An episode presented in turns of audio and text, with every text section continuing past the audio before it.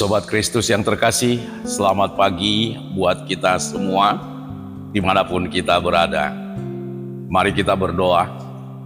Kasih karunia dan damai sejahtera dari Allah Bapa dan dari anaknya Tuhan Yesus Kristus kiranya menyertaimu.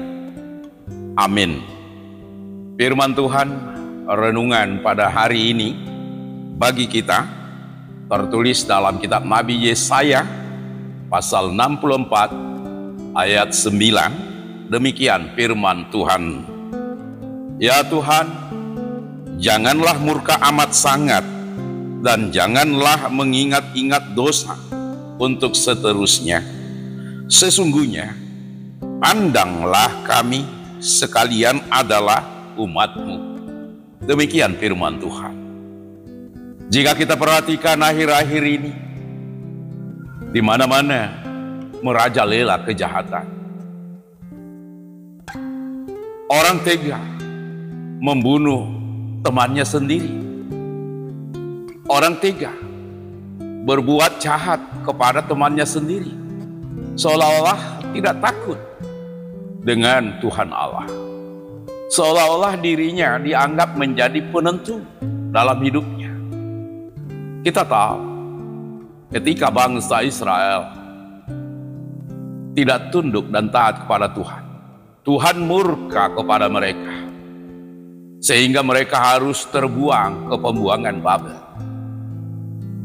Dan Tuhan memiliki rencana dalam pembuangan tersebut bukan hukum semata-mata yang nyata dalam kehidupan bangsa itu.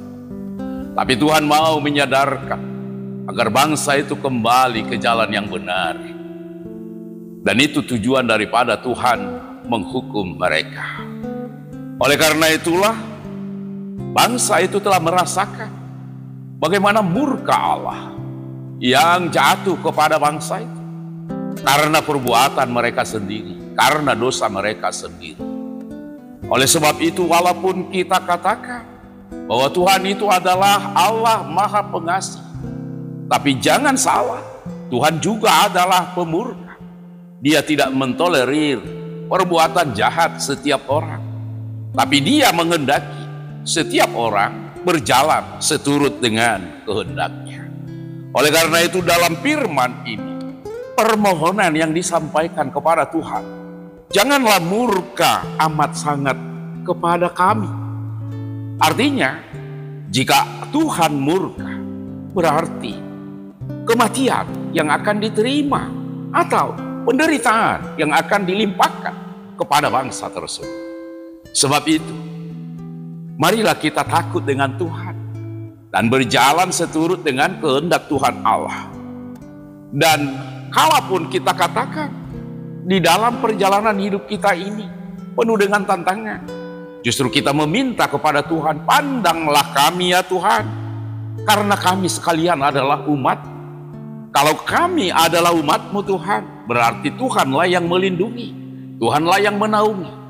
Dengan pengharapan seperti itulah, kita tetap senantiasa dikehendaki oleh Tuhan. Sehingga kita harus benar-benar tunduk dan taat kepada Tuhan. Agar kita diselamatkannya, agar kita diberikan keampunan akan dosa yang kita perbuat dalam hidup kita. Terutama agar kita Tuhan mau melayakkan kita masuk ke dalam kerajaannya yang kekal.